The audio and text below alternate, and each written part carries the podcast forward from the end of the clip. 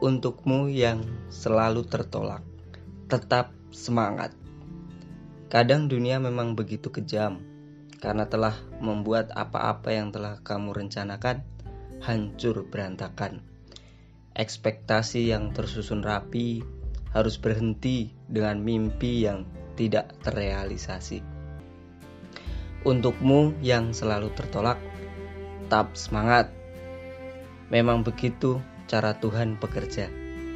Ketika kamu ingin sesuatu, kamu mau sesuatu, dan bermimpi untuk mendapatkannya, baik itu tentang harta, tahta, asmara, kekayaan, jabatan, cinta, terkadang Tuhan tidak memberikannya padamu.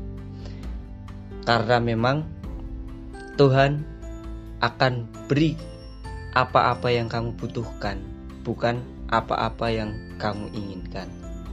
Untukmu yang selalu tertolak, tetap semangat. Ini bukan akhir dari kehidupan. Ini bukan akhir dari segalanya. Masih ada kesempatan-kesempatan lain yang menunggumu untuk kamu temukan.